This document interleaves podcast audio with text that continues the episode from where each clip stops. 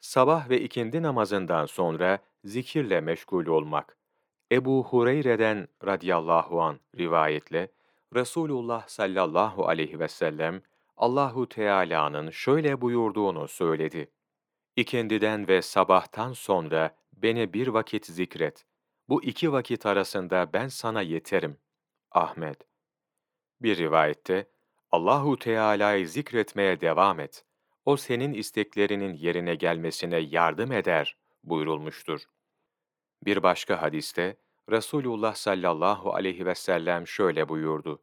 Sabah namazından sonra güneş doğuncaya kadar Allahu Teala'yı zikreden bir cemaatle oturmam, benim için Arap neslinden dört göle azat etmekten daha sevimlidir. Aynı şekilde, ikindi namazından sonra güneş batıncaya kadar Allahu Teala'yı zikretmekle meşgul olan bir cemaatle oturmam, benim için Arap neslinden dört göle azat etmemden daha sevimlidir. Başka bir hadiste şöyle geçiyor.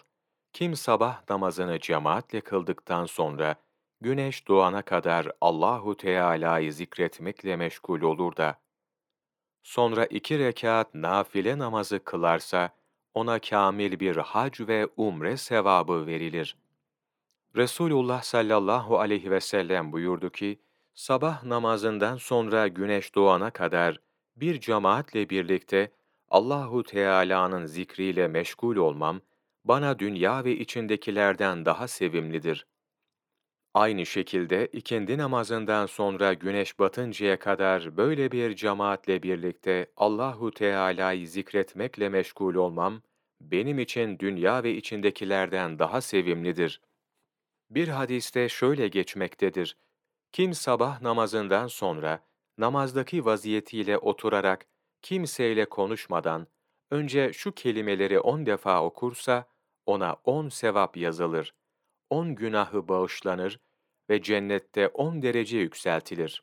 Ayrıca bütün gün şeytandan ve fenalıklardan korunmuş olur. Allah'tan başka hiçbir ilah yoktur. O zat ve sıfatları bakımından tektir. Onun ortağı yoktur. Dünya ve ahiretteki bütün mülk O'nundur. Bütün güzellikler ancak O'na aittir.